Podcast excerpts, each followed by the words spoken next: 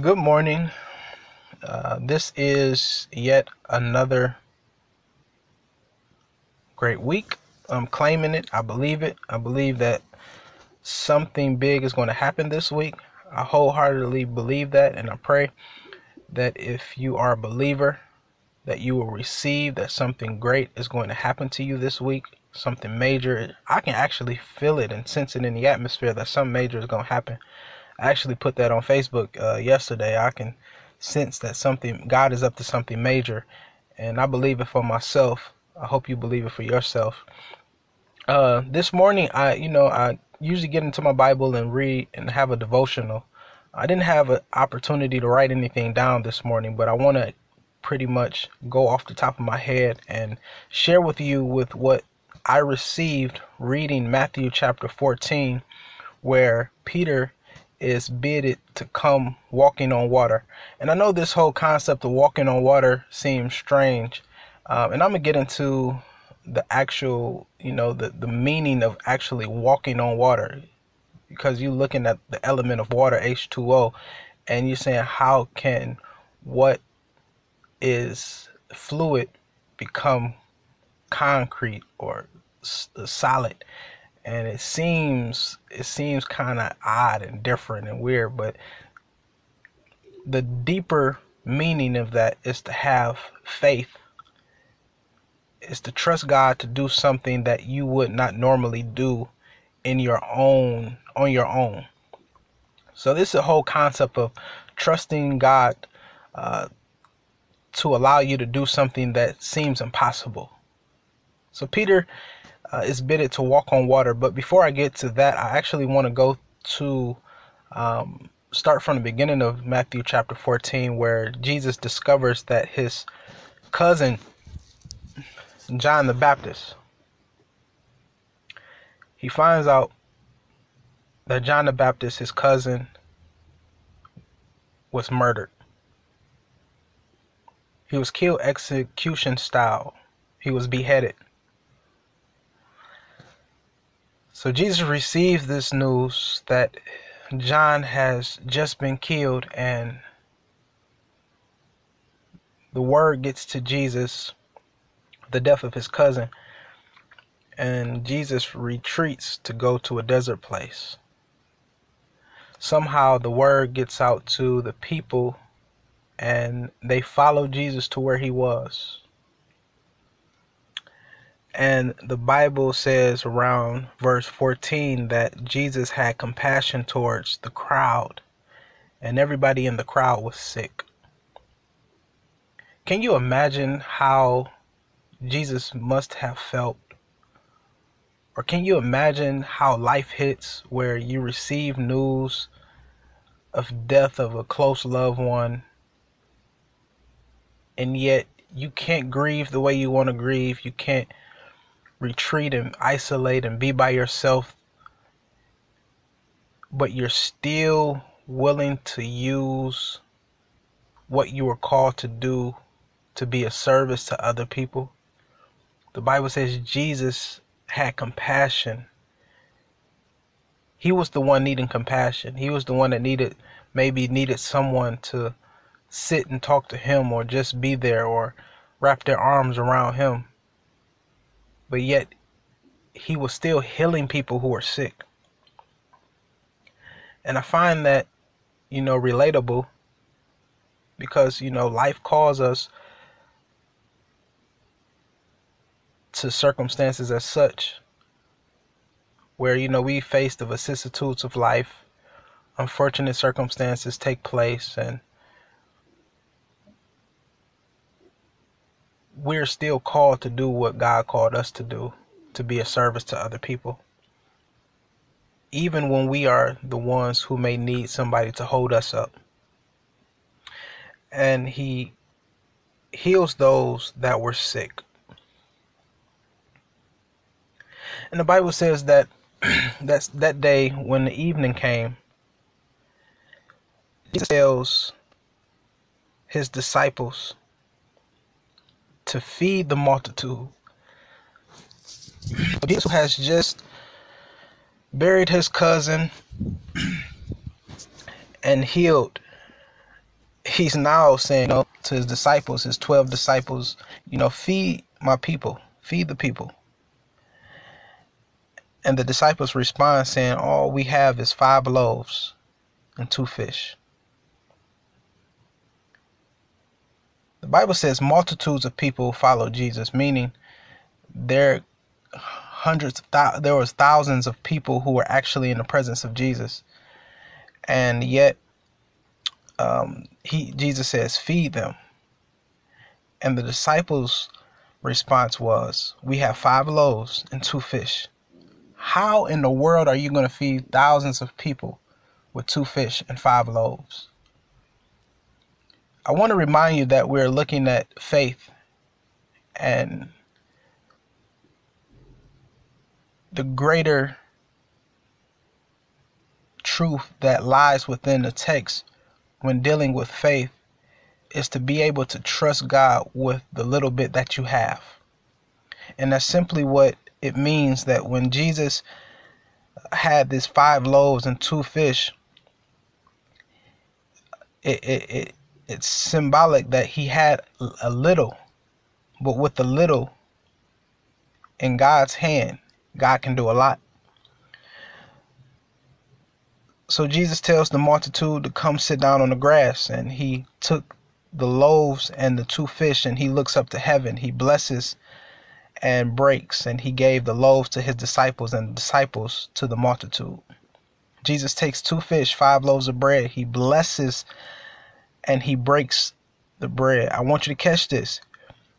When Jesus takes the little, what he had, the five loaves and the two fish, he looks up to heaven. And that's where the impossible took place.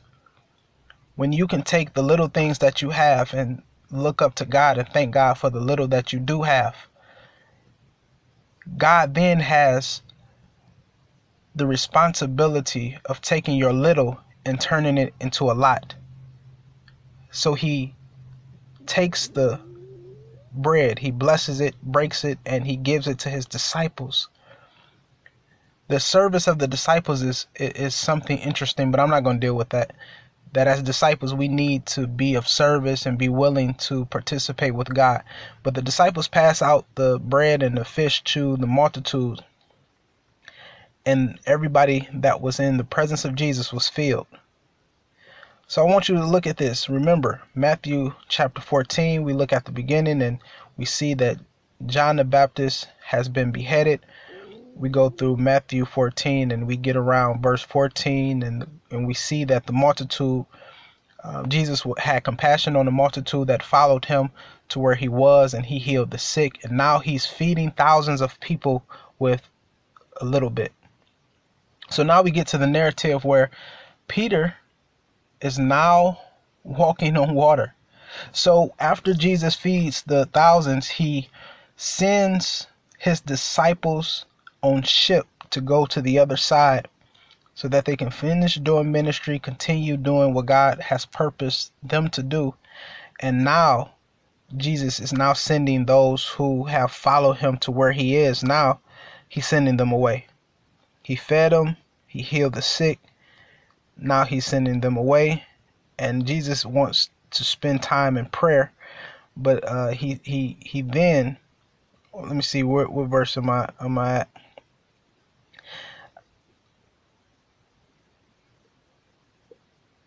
It's the evening time.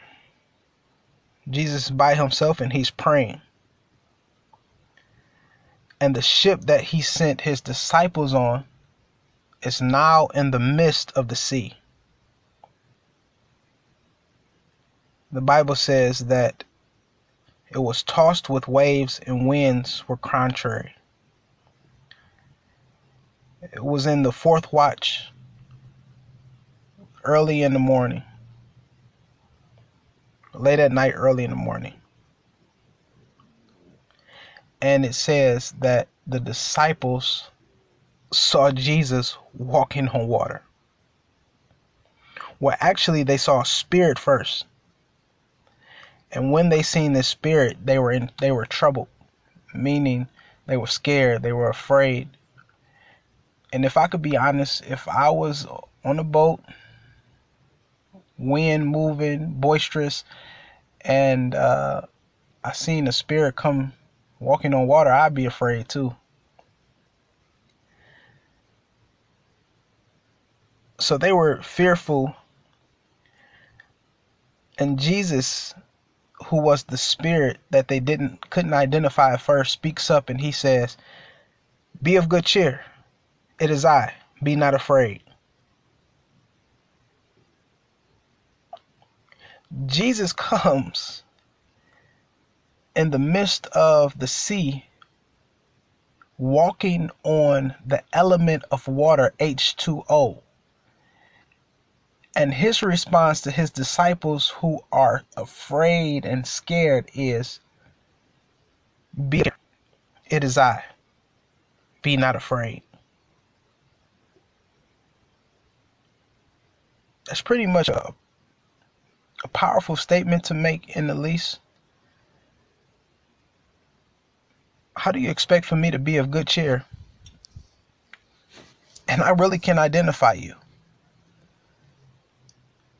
And that's the summation of what, you know, the, some of us are experiencing.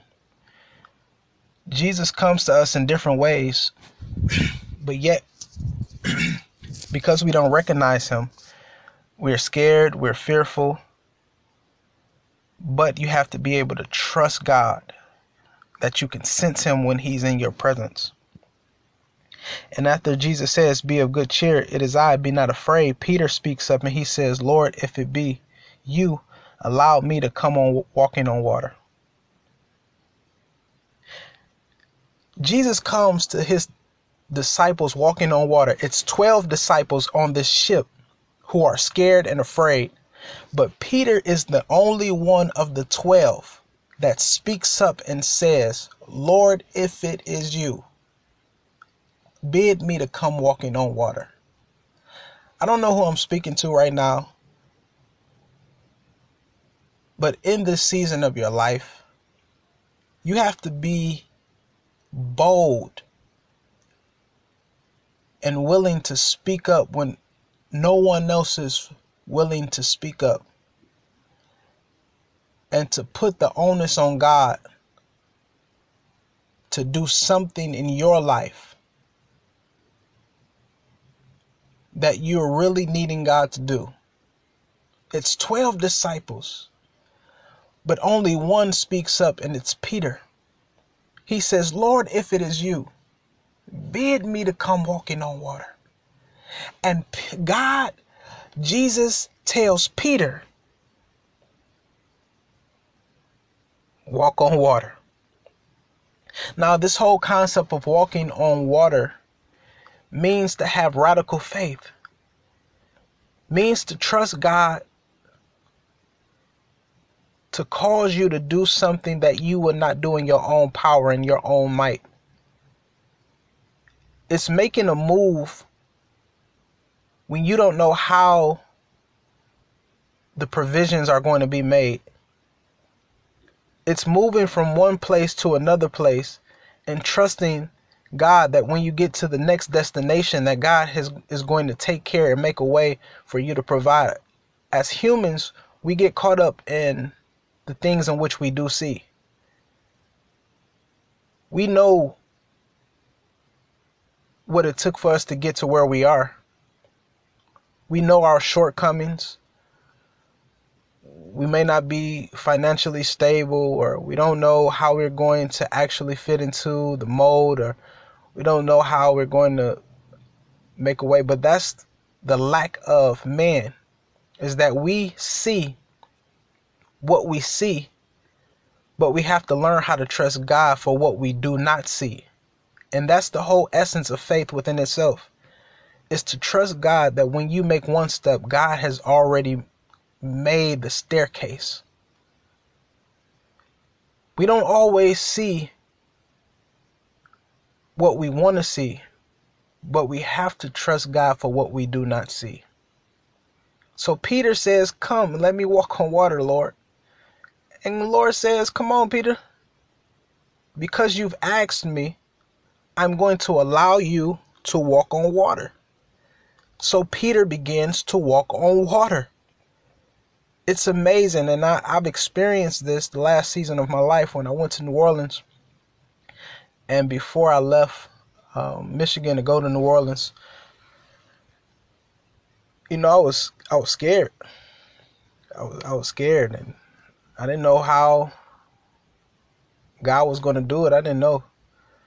I took a leap of faith and I actually bought a, a, a, plane ticket last minute and I was down to a little bit of money and I got on the plane and went to New Orleans, got to New Orleans, um, got into my housing and uh, set up and uh, the little money that I got to New Orleans with, it diminished day by day. I had to eat, you know, I had to pay for food and, you know, books and all that type of stuff. And I'm like, God, what is what's going on? How am I gonna make it?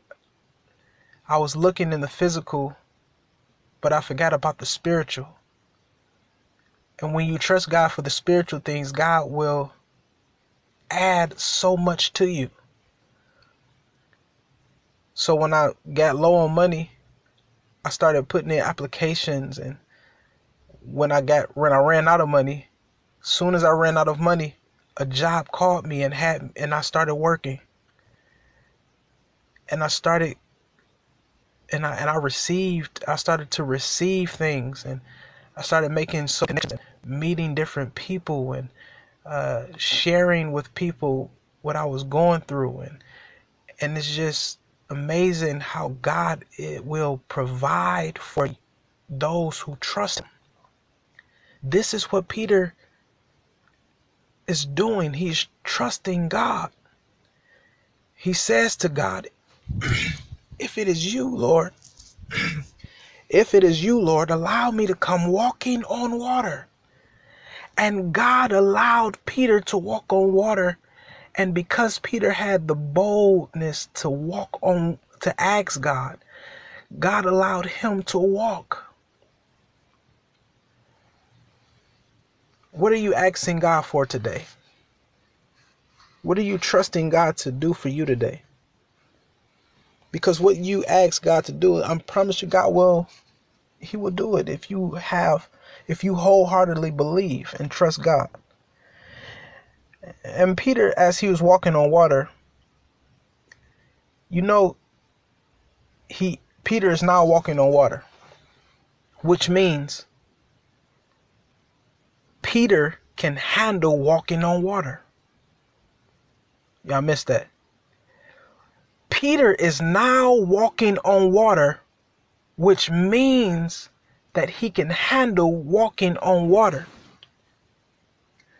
But Peter did not know that he could walk on water until he walked on water.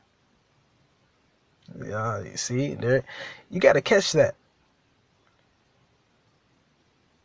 You don't really know what you can handle until you step out there and discover that what you thought you could not handle, God has already given you the strength, the capability, the talent, the intellect, all of that to to to conquer your challenge.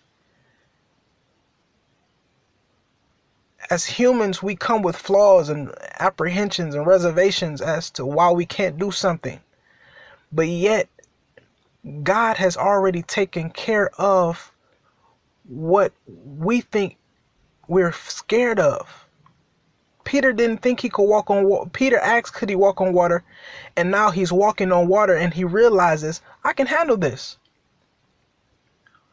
What is it in your life? You don't really know if you could do it, if you can handle it. I'm asking you to trust God for it. Step out on faith and, and, and try it and you will see that God has already given, has already placed within you the ability to handle that in which you're trusting God for. Verse 30 says that when Jesus, catch this, that when Peter noticed that when he saw the wind being boisterous, he saw the wind, he started to sink. I simply want to say be careful of paying too much attention to what we see, to what you see. Because what you see may not even be an obstacle. Peter saw the wind. you can barely see wind. Wind, you can see the effects of wind, but you really cannot see wind. He, the Bible says he saw the wind and he began to sink. You have to be careful about watching elements surrounding you and spend more time focusing on God that got you to where you are. So often we get carried away and we begin to uh, look at look out of our carnal eyes, look out of our physical eyes to the things around us when the reality is God our focus needs to stay on God. It is God that took care of you yesterday, the day before that. It was God that brought you into the world. But sometimes we get arrogant and sometimes we say we pulled ourselves up by our own bootstraps and we got this far by ourselves when the reality it was God all along. But to humble us, sometimes God allows us to see things to where we have to go back and trust God again.